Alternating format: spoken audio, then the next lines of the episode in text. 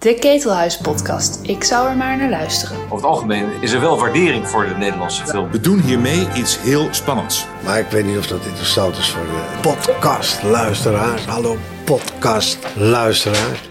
Ik verdien mijn geld door bedweter uh, uit te hangen op het gebied van film. Net doen alsof je ergens verstand van hebt en dat zo goed mogelijk verpakken in, uh, in mooie ronkende zinnetjes. Nou ja, als ik iets mag beweren over Nederlandse filmcritici, we zijn echt blij als we een Nederlandse film goed vinden. En er zijn ook veel Nederlandse films goed. Wij vinden denk ik gemiddeld genomen meer Nederlandse film goed dan het publiek. Iedereen heeft zijn eigen persoonlijkheid en zijn eigen manier van schrijven en zijn eigen voorkeuren. Let's face it. Betekent niet dat alles helemaal subjectief is. Het is heel duidelijk dat sommige films goed zijn en andere films niet goed zijn. De filmwereld zit ook vol met marketingmensen. En, en die bellen mij. En die zeggen dan: Hey Marco, ja, ik heb hier echt een typische telegraaffilm. En dan haak ik al af. Want iedere goede film is een telegraaffilm.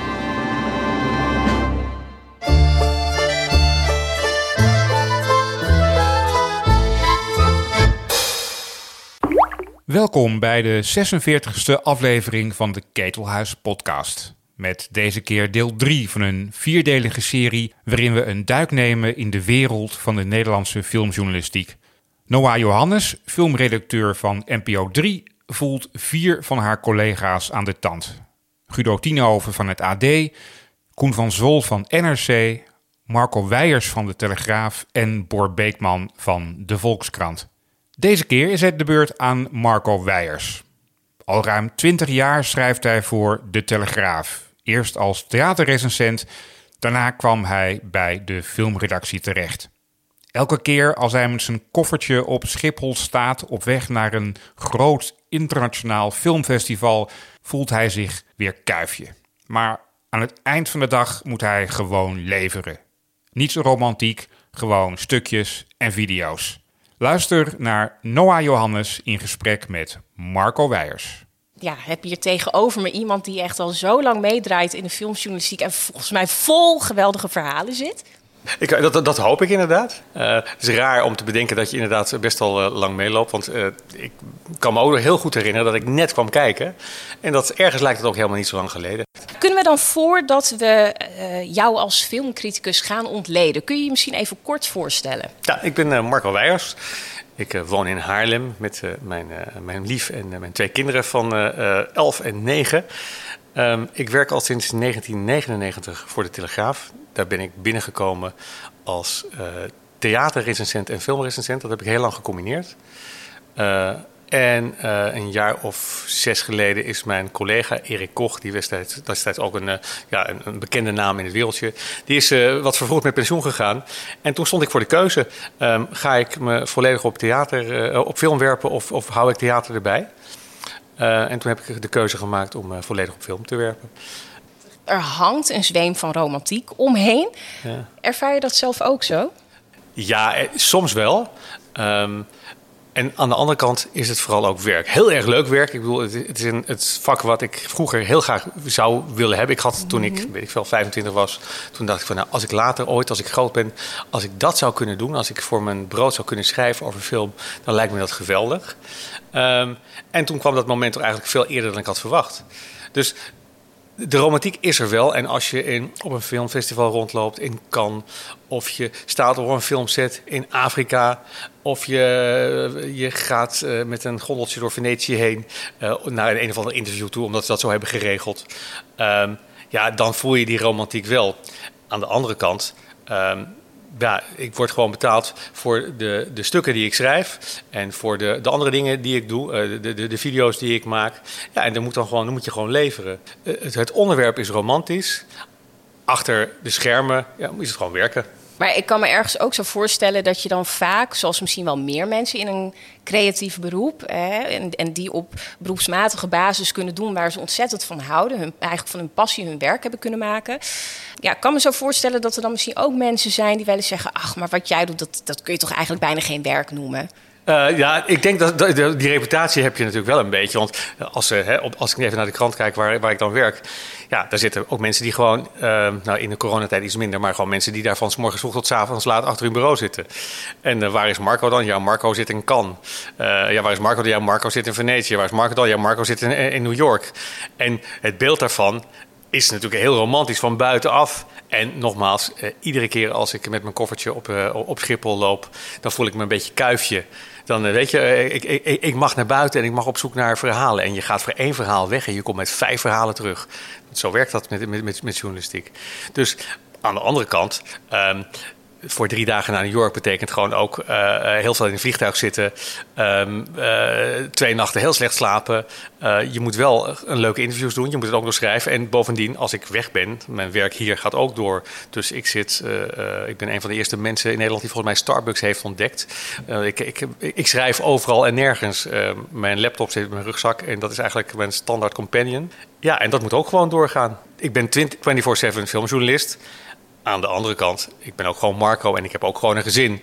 En de balans daar vinden, eh, daartussen vinden is, is, is wel belangrijk. En soms ook eventjes uitstaan. Maar dat blijft moeilijk, want op het moment dat ik een film zie... als ik gewoon met mijn gezin naar een film zit te kijken... ehm, dan eh, loopt er toch altijd een soort bandje mee van... wie is dat ook alweer die ik daar zie? Oh ja, oh ja die heb ik al gesproken. Eh, ja, wat gebeurt er nou voor iets raars in het script? Wat een rare cameravoering is... Nou, dat... dat. Ja, want dat voor, jou, dat- voor jouw gezin ben jij natuurlijk ook gewoon de wandelende filmencyclopedie. Ja, en mijn kinderen zijn het nooit met me eens, kan ik je vertellen. Want als wij dan, we kijken eigenlijk iedere zaterdagavond. We hebben een vakantiehuisje eh, in Hoenderloo sinds de coronatijd. Ehm, daar hebben we een groot, heb ik een groot scherm opgehangen, ook om in coronatijd films op een groot scherm te kunnen zien. Dus ik ging daar zeg maar twee dagen per week eh, eh, werken. Ehm, maar we kijken daar iedere zaterdagavond met z'n allen, eh, inclusief popcorn, kijken, we, kijken we een film. Ehm, en dat zijn dan eigenlijk altijd kinderfilms. En ze willen me altijd vijf sterren geven. En dan zeggen ze, papa, hoeveel sterren zou je deze film willen geven?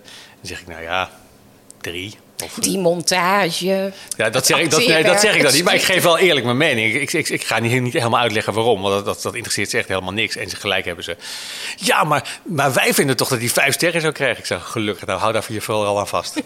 Hou jij zelf eigenlijk ook het, ja, het frisse enthousiasme waarmee je ooit aan deze baan begon, hou jij dat ook heel erg vast? Ja, nou, dat is denk ik een. ehm, het is wel een- gewoon een karakterdingetje, denk ik.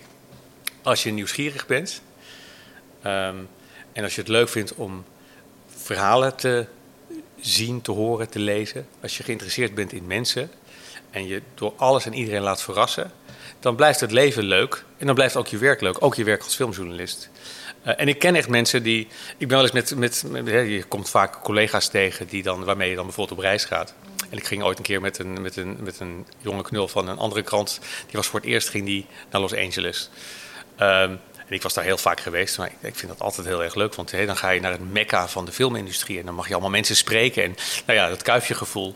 Nou, ik kwam hem tegen en hij vond het ook spannend en, eh, en leuk. En nou, ik, ik nam hem mee, eh, aan de hand. En we hebben daar een paar dagen in, in L.A. eh, rondge, rondgebanjerd. Pak een beetje een jaar later kwam ik hem nog een keer tegen. Eh, ook weer naar L.A. Ja, hij- weet je, had been there, done that, got the t-shirt. Eh, hij, vond het, ja, hij, hij vond het saai en hij vond het vermoeiend. En, en dat is dus gewoon een, karakterdingetje. Je, je, of je bent snel verveeld, of je bent het helemaal niet. En ik ben het gewoon echt helemaal niet. Ik vind het nog steeds leuk. Ik ga- gaf net al aan in, het, in, in de inleiding van ja, omdat de wereld verandert, verandert kunst en film ook. Ehm, maar ik verander ook. Bij alles wat ik zie, bij alles wat ik meemaak, verander ik ook. Dus, en dat verandert ook weer de manier waarop je naar dingen kijkt. Dus nee, ik, nee ik, het, het verveelt me nooit. Ik heb nog steeds het allerleukste vak van de wereld. En je, je gaf al aan, je werkt dus al bijna 20 jaar bij de Telegraaf Ja. inmiddels. Ehm, hoe ben je eigenlijk bij de Telegraaf terechtgekomen? Ik ben geboren en uit Horen, heb het VWO gedaan. Eh, wist niet zo goed wat ik wilde. Ik dacht, nou, schoon voor journalistiek. Werd ik uitgeloot. HEO communicatie werd ik ook uitgeloot. Ben ik een jaar ben ik een fotografieopleiding gaan doen. Eh, want ik dacht, ja, ik fotografeerde voor mijn hobby en dat vond ik leuk. En tijdens die fotografieopleiding, ja, ik had, dat was een soort part-time opleiding. Ehm, dus ik had een baantje nodig. En toen, ik werkte bij Albert Heijn, vakken vullen. Ik dacht, dat heeft vakken vullen en fotografie heeft niks met elkaar te maken. Maar toen zag ik in de, eh, in de krant die daar lag, in de kantine, een ehm, advertentie staan voor grafisch medewerker.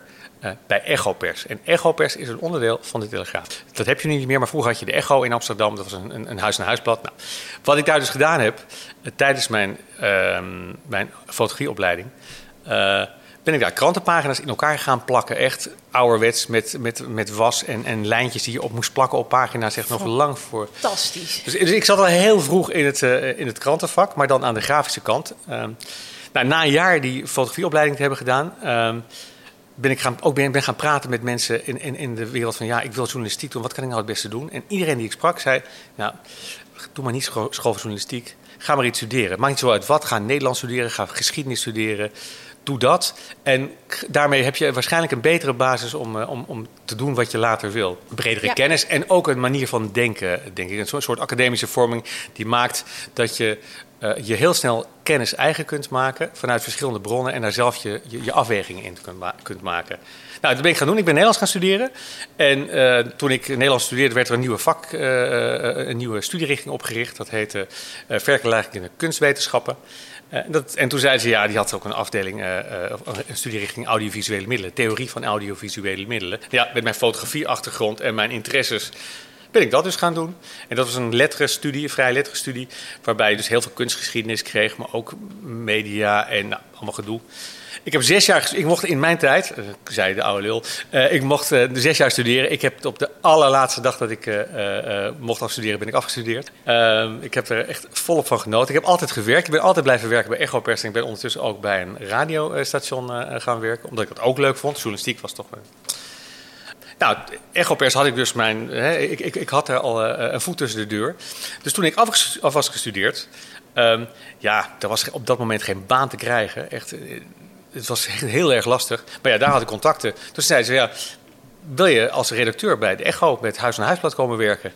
Ja, ze zochten iemand voor de, voor de autokrant. Dat was een bijlage. Ze zeiden: heb jij een. eh, eh, eh, heb al iets met auto's? Ik zeg: nou ja. Ik heb er één. Eh, ik had het, nee, ik had er helemaal Oh, niet ik, had er, ik had het niet. Nee, want ik, ik was net afgestudeerd, dus ik had echt helemaal geen cent te makken. Ik zeg, nee, ik, ik heb ik niet zoveel. Ik weet dat, dat alle auto's eh, eh, eh, zes wielen hebben, namelijk vier wielen, een, st- een stuurwiel en een reservewiel. En dat is het dan wel. Maar ik kan echt overal over schrijven als je dat wil. Dus eh, nou, toen ben ik aangenomen. En toen kreeg, had ik een soort combinatie van auto. Een halve deel was, was autojournalistiek. En het andere halve deel was voor een, ja, een soort algemeen blaadje. Dat heette het Zondagochtendblad. En dat, dat was ook een beetje glamour en weet ik veel wat. En toen, toen dacht ik ja, film en theater hadden heel erg mijn interesse. En ik mocht dat blaadje, we waren soort, eh, een soort rompredactie. Dus je, wij maakten voor allemaal bladen in heel Noord-Holland... maakten wij een soort algemeen me- eh, verhalen. Dus een roddelrubriek en een horoscoop en een, en een column. En nou, ik dacht, nou kan ik ook over film gaan schrijven. Beland. Maar dan ben ik wel benieuwd, want ik, ik heb nu een heel mooi helder beeld van hoe jij zeg maar, je stappen hebt gemaakt richting de journalistiek. Dat je als schrijvende journalist aan het werk kon, eh, kon. Maar hoe zat het dan in de tussentijd met je filmliefde?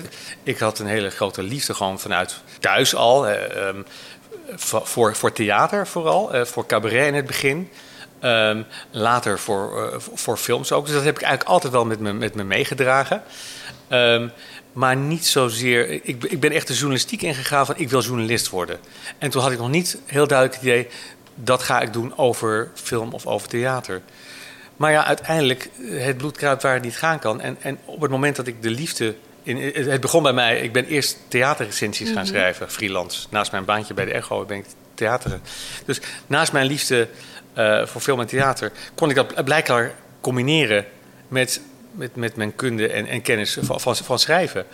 Ja, en dat, is, dat, dat, was, dat was een soort thuiskomen. Wa- wanneer heb je dan ongeveer je allereerste filmrecensie geschreven? Kun je dat nog herinneren? Mijn allereerste filmrecensie heb ik geschreven, ja, in 98 denk ik. Weet je ik had- nog ik schreef- welke, ik- welke film toevallig? Ja, het, het, was, het was een film met Bruce Willis, dat weet ik nog wel. En ehm, ik was nog niet zo... Ja, je, hebt ook nog niet zo'n goed idee hoe, hoe, hoe dat dan moet. En... ehm, hoe heet ik, nou, ik, ik, weet, ik zou dit kunnen opzoeken, maar ik weet, ik, weet, ik weet niet meer. Want dat was wel mijn eerste filmrecensie. Maar daarvoor schreef ik dus wel over film, maar meer, meer, meer achtergrondverhaaltjes. En ik, ik ging naar, dat was hartstikke leuk. Ik ging naar persvoorstellingen. Ik ontdekte dat er zoiets was als persvoorstellingen. Eh, en dan ehm, mocht je daar naartoe en dan kreeg je een kopje koffie. En dan zat je met, met, met, met tien of twintig andere journalisten. Mocht je naar de film. En ehm, En daar word je dan voor betaald. ja, en daar werd ik dan voor betaald. Nou, ze- waren er een beetje lastig in, dus ik mocht er niet te veel doen en zo. En, eh, maar ik dacht van, ja, maar als ik daar naartoe ga en dan krijg ik een persmap... en dan kan ik daar wat uit overschrijven. En dan, eh, dan, dan jat ik nog wat, eh, wat quotes van links en rechts. En dan, eh, en dan heb ik een verhaaltje. En dat kan dan, nou, kortom, zo is het een beetje Ja. gekomen. En, en hoe heb je dan ja, je, je, je filmhistorische kennis ontwikkeld? Ja, eh, nou ik heb gewoon eh, door, door lezen en door kijken... ehm, Ik, heb geen, eh, ik ben geen omgevallen filmencyclopedie. En dat pretendeer ik ook niet. Ik heb wel heel veel gezien. En inmiddels, ja, dat is, dat is het leuke ook van dit vak. Met alles wat je ziet, leer je weer meer. Zie het een beetje als een, als een kapstok. En, en, je- als je een kapstok hebt, eerst heb je een kale kapstok en dan hang je er dingen aan. En dan, en dan hang je daar weer dingen aan. En dan, het wordt een steeds vollere kapstok. En al die dingen hebben steeds meer met elkaar te maken. En zo krijg je eigenlijk, zo ontwikkel je een, een, een heel brede kennis. Maar in hoeverre is het ook nodig dat je dan bijvoorbeeld als filmjournalist eh, het, het hele oeuvre van eh, Jean-Luc Godard en ehm, Nou, ik- Tarkovsky van, van A tot Z kent, om, om ook echt goede eh, recensies te kunnen schrijven? Nee, ik denk dat dat niet zo is. Ik denk dat het, ik denk dat het, wel belang, dat echt wel belangrijk is om een, eh, een zekere kennis of, of een gedegen kennis van, van film en van, de filmhistorie te hebben, omdat je dan dingen kunt plaatsen. Eh, het hele oeuvre van Tarkovsky kennen, nee, dat, dat, dat, vind ik, dat vind ik gewoon niet zo relevant. Ik ben, ik, ik ben, ook, geen, ik ben ook geen wetenschapper. Ik ben professioneel publiek. Het verschil tussen, tussen mij en de mensen die naar de film gaan, is dat ik veel meer heb gezien. En dat ik erover kan schrijven. En dat ik, als zij uit de film komen, dan zullen ze meestal zeggen: Nou, dat was, eh, dat was ruk of dat was, dat was leuk. Daar is het einde mee. Nou, bij mij begint het dan pas, want dan moet ik gaan uitmaken: ja, maar waarom was het dan geweldig? Of waarom was het dan ruk? Ehm, en dat proces is wat je, wat je traint en wat je ontwikkelt. Ook nog iedere dag bij iedere film die, die ik zie, ehm, ontwikkel ik dat verder. Maakt het ook leuk voor, want als ik, ik zie natuurlijk heel veel films. En daar zitten hele goede filmfilms bij. Maar ook enorme slechte films. Maar nog, als ik daarnaar kijk, ik kijk ze altijd helemaal uit. En dan gaat het erom, ja, hoe, waar gaat het nou mis? En, ook wel belangrijk, hoe kan ik daar op een leuke manier over schrijven? Want die film mag dan misschien heel vervelend zijn. Of, of, of slecht, of, of, of fout, of weet ik veel wat. Eh, maar mijn stukje moet vooral leesbaar en eh, leuk zijn. Mensen moeten, moeten, moeten iets meekrijgen. Maar ze moeten ook eh, het gevoel hebben van... nou, ik heb een leuk stukje gelezen. Als ik het ook zo hoor, heb je je daar volgens mij ook nooit onzeker over gevoeld. Als je dat gevoel hebt, dan ga, je, dan, dan ga je dingen kijken, dan ga je dingen nazoeken. Dan, ik pretendeer, weet je, er, is, er zijn te veel films gemaakt om ze allemaal te hebben gezien. En als je ze wel allemaal gezien hebt, eh, dan is het niet helemaal goed met je. Wat ik net, wat ik, wat ik net al zei, weet je, ik heb, ik heb, ook, ik heb ook, een, le- ook een leven. Ik heb een heel leuk leven, leuk filmleven, maar ik heb ook daarnaast nog een leven. Dus ik, ik, wil, ik wil niet negen films op een dag kijken om, om, om alles in te halen wat er in het verleden is gemaakt. Ik wil wel de dingen zien die relevant zijn. Heb je daarin misschien ja, gaandeweg wel voorbeelden in gehad of gevolgd van filmjournalisten waarvan je dacht, nou die. eh, Nou, mijn, mijn, voorbeelden zijn niet zozeer filmjournalisten. Ik heb heel veel van Erik Koch geleerd, mijn, eh, mijn collega met wie ik eh, 15 jaar heb gewerkt. En die eh, dat ook al jaren deed met e- evenveel enthousiasme. Althans, ik, ik hoop dat ik enthousiast ben. Nou, hij, hij deed het in ieder geval met heel veel enthousiasme. Dan, dan, dan was hij in, in Los Angeles, had hij, of in waar dan ook, had hij interviews gehad. En dan belde hij me op nou Marco, en dan, dan, dan weet je dan, dan stroomde hij over van, de, van het enthousiasme. Dat, dat, dat heb ik, daar heb ik veel van geleerd. A, het enthousiasme. B, het schrijven. Hij was een hele goede... eh, ehm, hij kon heel goed aanvoelen wanneer dingen te omslachtig waren, te, te veel omhaal van woorden, hoe je net iets lekkerder kon. Dus, dus daar heb ik veel van geleerd. Eh, dus dat was in zekere zin een voorbeeld.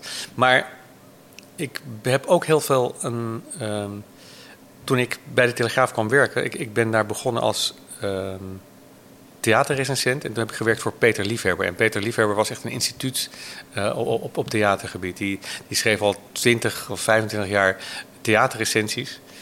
Eh, en wat hij had, en dat, heb ik echt, me- dat heeft me echt geïnspireerd. ehm, hij had, denk ik, wel 50 Hamlets gezien. En als hij de 51ste keer naar een Hamlet ging, dan, dan ging hij daar met evenveel enthousiasme en, en nieuwsgierigheid en bereidheid om zich te laten verrassen naartoe. Het was nooit uh, dan got a t-shirt. Het was altijd, nou, kom maar op, verras me maar. Het, hè, het, het, het, de, de, de, ehm, eh, je veegt het bord leeg en je begint opnieuw. En dat vind ik wel, dat, dat, en dat is denk ik ook wel een manier om je in deze wereld eh, gezond te houden. Want als je zoveel ziet en als je, als je het allemaal als een soort ballast meeneemt, ja, dan is het ook niet meer leuk. Nee, maar ja, kun je dat trainen of moet dat ook vooral in je zitten? Uh, ik, denk dat het, nou, ik denk dat het vooral een karakterding is. Ja. Maar zijn er wel dan manieren om dat af en toe ook los te kunnen laten? Als je misschien op sommige momenten merkt van... Hmm, ja, nu, uh, nu, nu, nu, sluipt het er wel een beetje in. Ik moet even iets doen om inderdaad weer gewoon dat blanke canvas te krijgen. Ja, even, even vrijnemen. Een boek lezen. ik merkte in coronatijd dat ik minder reisde. Of eigenlijk geen niet reisde, op, op één of twee keer na. Samenhang met reizen is lezen voor mij. Want ik, ik, ik, heb twee jonge kinderen. Dus aan lezen kom ik bijna niet toe thuis. Maar als ik in een vliegtuig zit, of, uh, dan, dan lees ik wel heel veel. En soms uh, merkte ik ook ik had het gevoel van... je, bent, je hebt een soort trechter in je hoofd. En, of op je hoofd staan en daar moeten lettertjes in. Want als je de, de bovenste niet de lettertjes erin gooit... dan komen ze er aan de onderkant niet uit. Dat is natuurlijk onzin. Maar zo voelde het soms wel. En uh, lezen helpt mij gewoon me verliezen in, een, in een verhaal van een ander... Uh, op een andere manier dan in film helpt me vaak wel om uh, uh, dan weer energie te hebben en, en, en de, de, het bord weer even schoon te vegen. Ja. Heb je eigenlijk als filmjournalist bij de Telegraaf een specifieke taakomvatting? Ik ben, hoe, hoe, heet dat? Ik heb een omschrijving. Ik ben gespecialiseerd verslaggever, film, gespecialiseerd verslaggever film. En ja, daar worden er allemaal van die officiële papieren over opgemaakt.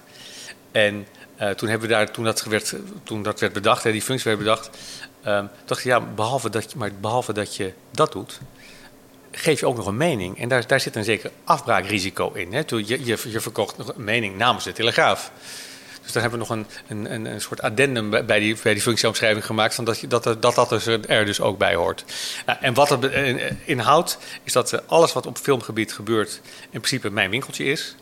En dat betekent dat ik...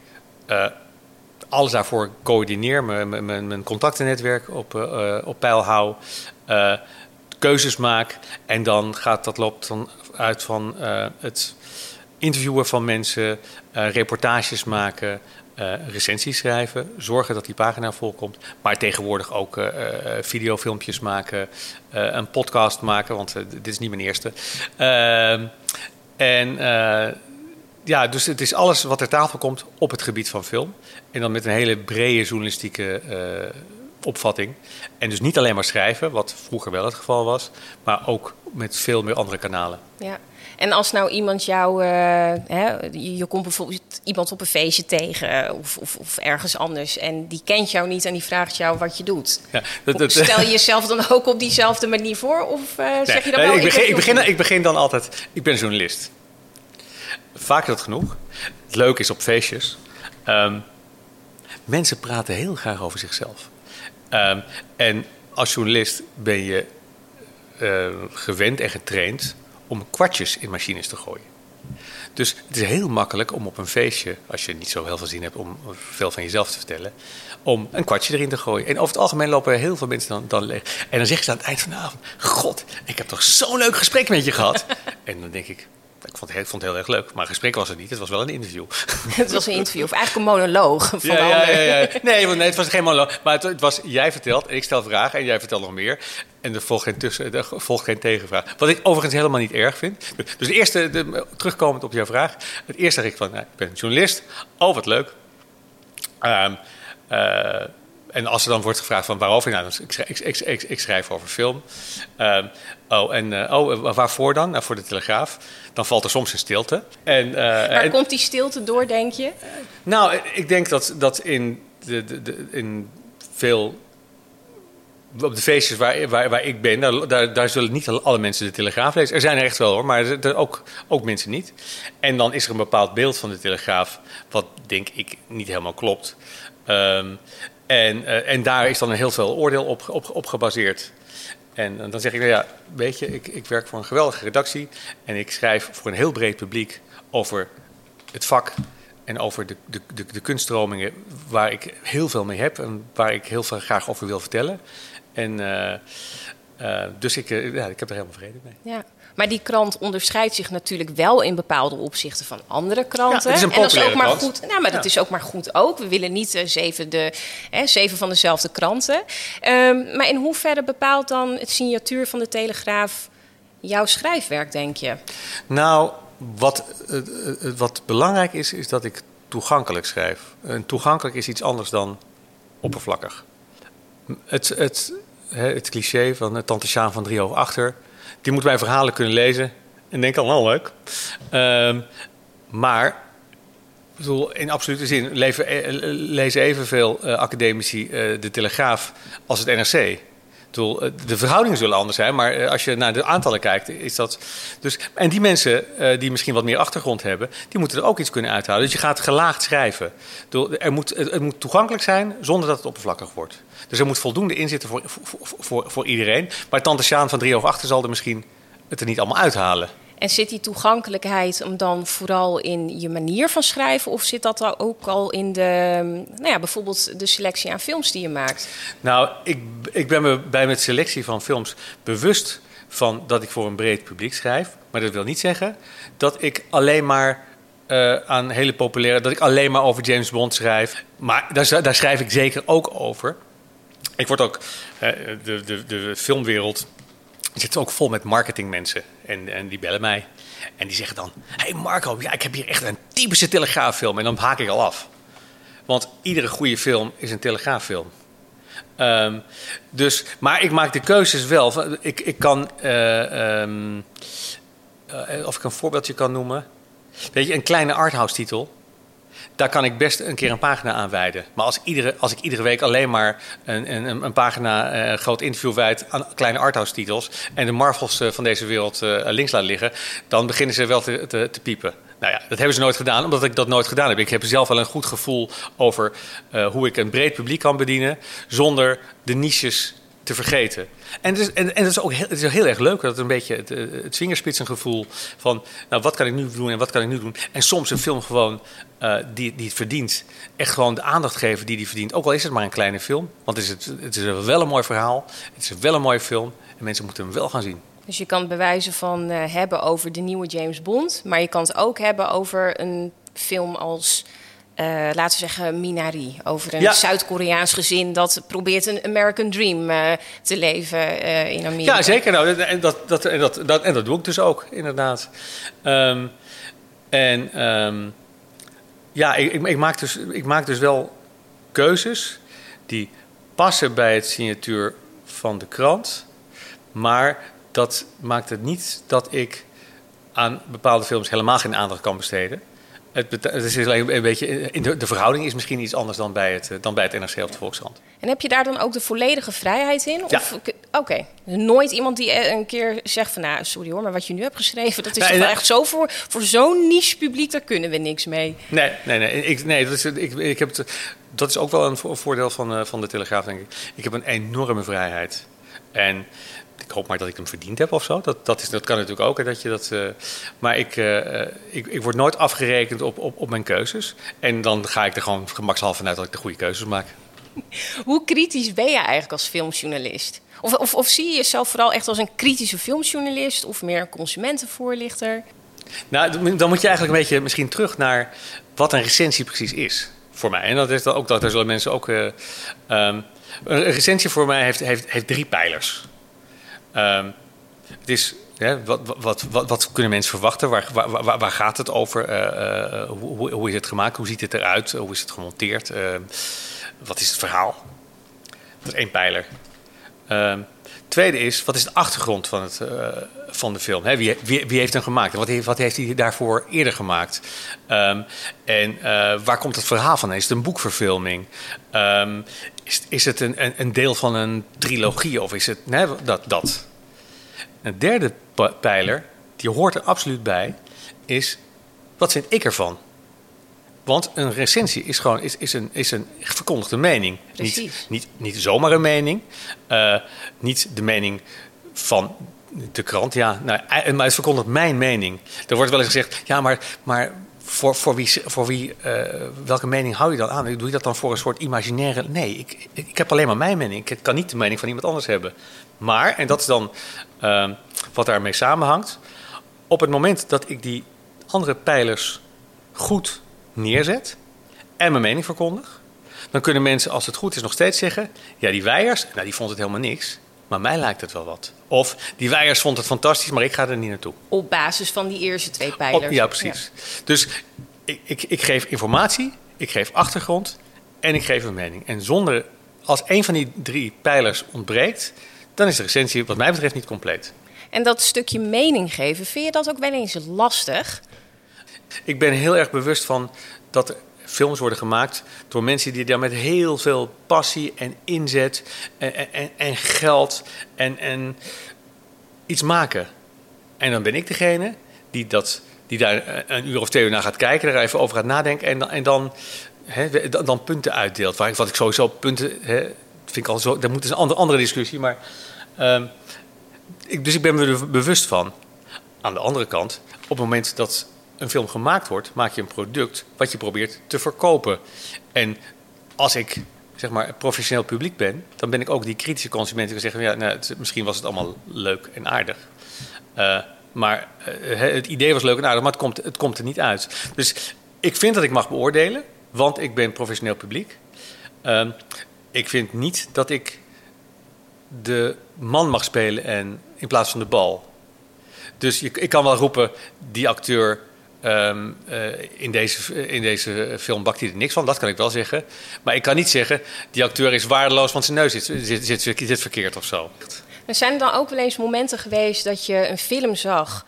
Hij kwam totaal niet bij je binnen. En dat je op dat moment toch wel even twijfelde aan het, aan het waarom. Waarom komt die film niet binnen? Is het nou omdat die film zo slecht is? Of heb ik misschien mijn dag ook gewoon een keertje niet? Ja, dat is ook een deel van je professionaliteit. Dat je, als je hondje dood is, dat je misschien wel zit te huilen in een film. En dat je weet dat dan. Ja, ik heb geen hondje hoor, dus daar hoef je je niet zorgen over te maken. Maar dat je, ehm, dat je ook weet dat je op dat moment de tranen over je, over je wang rollen omdat het hondje dood is. Ehm, dus er is een bepaalde professionaliteit die, die, je- die je- persoonlijke emoties over andere dingen scheidt van wat, een, van wat een film met je doet. En als dat een keer niet lukt, neem je dat dan ook wel eens mee in je, in, eh, in je recensie? Wat ik wel doe, is dat ik, dat ik zeg van ja, ehm, mij deed het helemaal niks of zo. Of, of, je, of het, eh, als je heel erg van dit en dit en dit soort films houdt, dan is dit misschien wel de film voor jou. Maar voor mij was het het niet. Dus ik, dan, dan maak ik een voorbehoud voor iemand anders. Best wel wat nuance toch? Ja, nee, Ja. natuurlijk. Ja, nee, het, het zoeken naar nuance is in, in woorden en in hoe je dingen omschrijft. Ja, dat is denk ik de, de, de, de kern. Dat is ook, we hadden het net eventjes over punten en dan, dat, dat raakt een beetje aan de Ja, sterretjes ik wou zeggen nuance en sterretjes. Ja, die, die Ja, botsen dan een beetje. Ja, nee, laten we wel wezen. Het sterretjesysteem is een, gewoon een, een, een rot systeem. Want je kunt, hoe kun je nou een film van twee uur vangen in sterretjes? Dat kan eigenlijk helemaal niet. En waarom, waarom, waarom schrijf ik zoveel woorden? En dan moet, en dan moet ik mijn, weet ik wel, de, de, de recensie die ik schrijf, die al niet zo lang zijn, want dat, dat is ook een beetje de, ehm, de makker van de tijd. Hè. De beperkte ruimte, eh, beperkte tijd van de mensen, dus ik moet ook compact schrijven. Soms zou ik wel 800 woorden over of 1000 woorden over film kunnen schrijven. En dan heb ik er maar 300. Dus dat is, dat is, dat is, dat is wel lastig. Maar dan heb ik 300 woorden. En dan moet ik dat ook nog een keertje samenvatten in een sterretje. Ja, want jij geeft wel sterren, ja, we geven wel sterren en dat is, dat is, een, dat is een teken van de tijd. En wat ik, dan- wat ik dan wel, waar ik wel heel, heel erg voor heb ingezet. ehm, als je naar het sterretjesysteem kijkt, heel veel kranten ehm, en, en websites hebben een vijf-sterren-systeem. Nou ja, het gevolg van de, het vijf-sterren-systeem is dat je. Dat heel, er worden heel veel zesjes en zeventjes gemaakt. Heel veel. En vijfjes. En die belanden bij het vijf-sterren-systeem allemaal op drie sterren.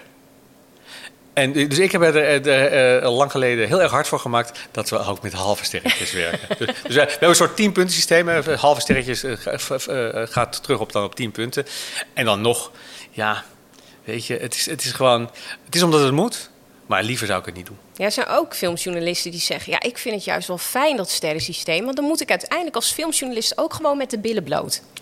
Nee, maar, maar je, gaat dus ook, je gaat ook chargeren. Je gaat dingen uitvergroten vanwege je sterretjes.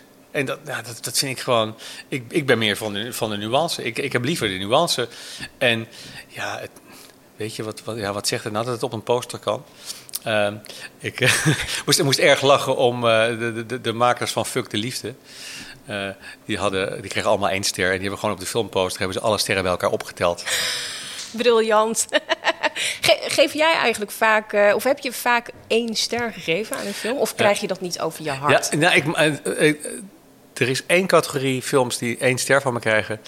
En dat is als, als er iets, iets fout is. En fout in de zin van moreel niet oké. Geef eens een voorbeeld. Ja, ik, eh, nou, eh, ehm, lang geleden was er een, een documentaire over een. eh, dat, dat was een documentairemaakster die volgde een Nederlandse vrouw die correspondeerde met.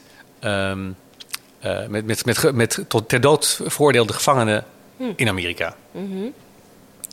Nou, dat, dat, dat- voor mij werd het ook nog gesponsord door, door Amnesty International. Dus dat, dat, ze ging dat, dat, documentaire project doen. En uiteindelijk gaat ze met die vrouw zo'n gevangene opzoeken. En die gevangene die, die moet. ehm, ja, die, die- hij, staat, eh, hij, hij zit in de dodencel. En eh, nou, er, er moet gratie. eh, hij- ze hopen op gratie voor hem. En de enige manier waarop ze dat kunnen regelen is door die vrouw, die, die, die, die, die correspondeert met die, eh, met, die man, om die te vragen aan de familie van het slachtoffer ehm, of, zij, eh, eh, of, zij niet clementie, of zij niet clementie willen bepleiten. Ingewikkeld verhaal, maar zo is het. Maar wat er dan gebeurt, is dat die vrouw die, die, die er correspondeert dat niet wil. Ze, ze zegt, nou, weet je, ik ben het hier, ik, ik kan het. En wat doet de filmmaakster dan? Die gaat in plaats van de vrouw die correspondeert met die gevangenen... en die dan met die ouders had moeten bellen van het slachtoffer... gaat zij bellen. Oh, nee. Met een een of ander lulverhaal. En dan, oh, nou, weet je, dat is fout. Dat is, dat is, dat is, dat is dubbele agenda's. Dat is... En, en, en, en zulke soort films, voor mij is dat gebeurd voor het, eh, eh, voor het sterretjesysteem. Ehm, maar zo'n film, het is even het, het voorbeeld dat nu even bij me opborrelt, die is, dat is fout en dat, dat, ja, dat, dat krijgt dan gewoon één ster. Dat, dat, dat, die verdient het niet. Nee, er zijn er ook wel eens momenten geweest waarop je neigde naar één ster, maar dat je dan echt nog even aan jezelf hebt getwijfeld van, nou, heb, heb, heb ik het dan gewoon helemaal niet begrepen? En dat je dan even toch bij anderen kijkt wat, wat, wat andere journalisten mogelijk over de film hebben geschreven. Ja, ik, ik, ik, ik, ik probeer dat niet te doen. Weet je, ik ben niet blind, dus ik, ik, zie, wel eens, ik zie wel eens dingen langskomen. Maar ik probeer zo, zo, zo eh, vanuit mijzelf mogelijk dingen te gaan schrijven. En eh, ja, weet je, je, je zit niet in een, ik zit niet in een kokonnetje waar ik, waar ik niks zie. Dus het, is, het zou onzin zijn om te verkondigen. Ik haal het allemaal uit mezelf. Want onbewust zal ik vast wel ook door andere dingen beïnvloed worden. Uh, maar ik probeer zo, zo zuiver mogelijk met, met, dat, met dat blanke uh, uh, blad te gaan schrijven. En, en gewoon echt te denken van ja, nou ja, ik vind het dit. En, en waarom vind ik het dan? Dat proberen uit te leggen binnen een heel korte tijdsbestek. En dan aan die twee andere elementen van hè, waar gaat het over, achtergrond. En, en dat moet het dan maar zijn. Ja. Oké, okay, je leest dus niet heel veel het werk van andere filmjournalisten. Nee. Heb vaak, wel... nee, dat, dat, dat, ik, ik, ik lees het wel, maar vaak achteraf. Ja, precies. Inderdaad. Dan heb jij jouw recensie geschreven. Ben je ja. niet heel erg beïnvloed door de mening van anderen. En, en dan ja. kun je eens gaan kijken wat Maar, maar bijvoorbeeld, uh, weet je, vroeg net uh, mensen die, uh, die, die, die inspireren. Ja, weet je, mensen als Roger Ebert of zo. hoe, hoe goed ze, zij een film kunnen analyseren en daar ook de ruimte voor hebben. Hè, want dat is, dat is ook een beetje gewoon totaal uitvlas. En, en ja, dat, dat, dat, dat vind ik wel... Dat, dat vind ik inspirerend en dat, dat lees ik dat wel, dan wel graag. Nou, Roger Ebert is, uh, is helaas is niet helaas meer. niet meer. Maar goed, hè, de website is nog draaiende. Ja. En er, zijn natuurlijk, er is nog heel veel van hem te lezen. Ja, ja zijn, zijn, zijn vrouw die uh, duikt op iedere... Ze hebben uh, rogerebert.com. En, en zijn, zijn vrouw die, die, die duikt iedere filmfestival nog wel, wel, wel ergens op. Maar dat, dat, dat, wordt, ook, dat wordt ook een beetje een soort... ja, nou, dat, dat, is, dat, dat heeft, heeft niet meer zoveel met filmjournalistiek te maken ik ben dan wel benieuwd in hoeverre. Want je leest dan af en toe wel het werk van filmjournalisten nadat jij je recensie hebt geschreven. In hoeverre onderscheid jij je, denk je, van andere filmjournalisten in Nederland? Dat is een, dat is een lastige. Dat, dat, ik, ik, denk niet dat ik degene ben om, om, om dat, dat te kunnen zeggen. Dat, dat kunnen andere mensen zeggen. Maar ik ben ook helemaal niet zo erg bezig met, met mijn plaats in. Uh, mm-hmm. uh, er, er, was een uh, filmjournalist waar ik ooit een keer een, uh, een interview mee las. En die zei: Ja, eigenlijk schrijf ik mijn recensies helemaal niet voor nu. Ik, ik chargeer een beetje hoor. Maar ik schrijf ze eigenlijk voor later. Dat ze of later, over 50 jaar in het filmmuseum, mijn recensies kunnen opvissen. En dan zeggen: Hij had gelijk. Nou, toen dacht ik. Dat is... Klinkt een beetje als egotripperij. Ja, ja, nee. ik, ja dat, daar kan ik alleen maar om lachen. Dat, dat is niet gewoon zo niet hoe ik mijn vak... Weet je, ik schrijf, uh, uh, ik schrijf met enige kennis van zaken en met um, veel plezier. En ik hoop ook uh, met veel plezier voor de mensen die het lezen, stukjes over film. Um, En hoe ik me dan verhoud tot andere filmjournalisten, ehm, dat, nou, het interesseert me eigenlijk niet. En je bent ook niet echt bezig met jezelf onsterfelijk te maken. Nee, nee daar, ben ik, daar ben ik veel te nuchter voor. En nogmaals, uh, het is maar film. Zie je, ehm, want je bent nu inmiddels uh, 20 jaar voor de Telegraaf onderweg. Zie je jezelf ook nog wel eens voor een andere krant of een ander medium over film schrijven? Nou, nee, nee dat, denk, dat, dat, dat denk ik niet zo zeer. Um, ik heb het nog steeds enorm naar mijn zin. Uh, ik, ja, en wat ook leuk is, dat gewoon door, de, door het veranderen van de, van de mediawereld... Um, is mijn werk ook veranderd. Dus ik doe veel meer dingen en ik bedien veel meer kanalen. En dat houdt het ook interessant. Ja, we zeggen nooit nooit hoor. Um, maar ik, uh, ik, wat ik nu met heel veel plezier doe, hoop ik nog wel een, een poosje met heel veel plezier te kunnen blijven doen. En uh, ik vind het heel erg leuk om met, met jonge mensen uh, te zien hoe die uh, zich ontwikkelen. En daar misschien een, een, steentje aan bij te dragen. En ik vind het ook leuk om, om, een beetje het spinnetje in het web te zijn.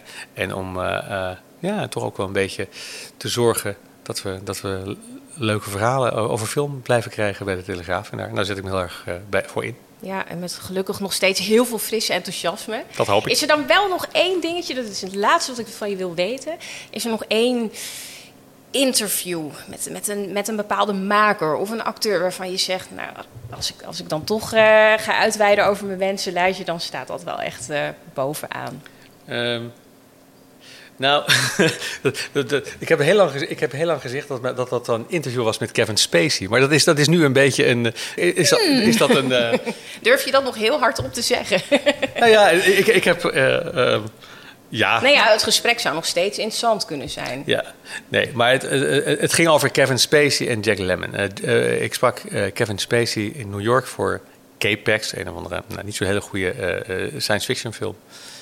Um, en Jack Lemmon was net overleden.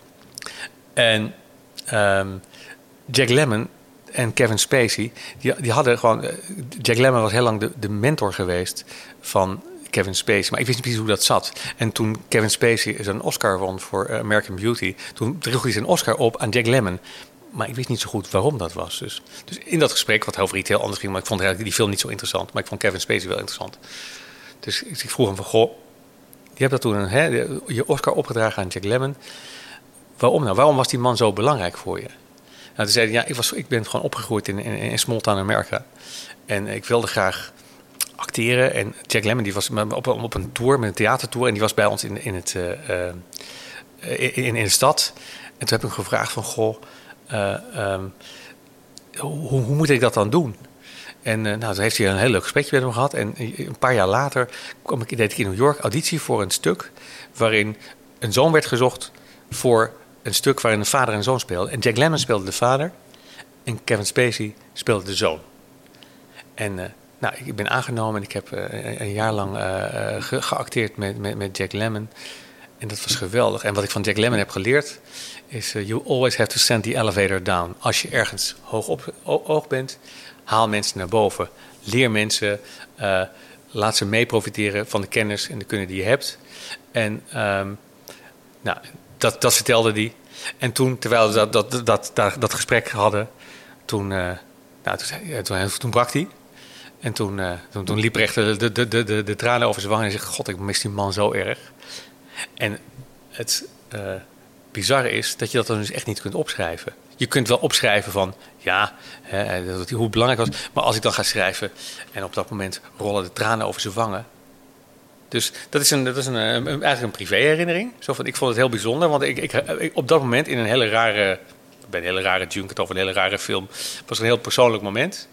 En dan raak je iemand en iemand raakt jou, want dat, hè, dat, dat heeft altijd, je, je bent in verbinding, dus dat heeft altijd wel ook een gevolg, uh, gevolg voor jezelf.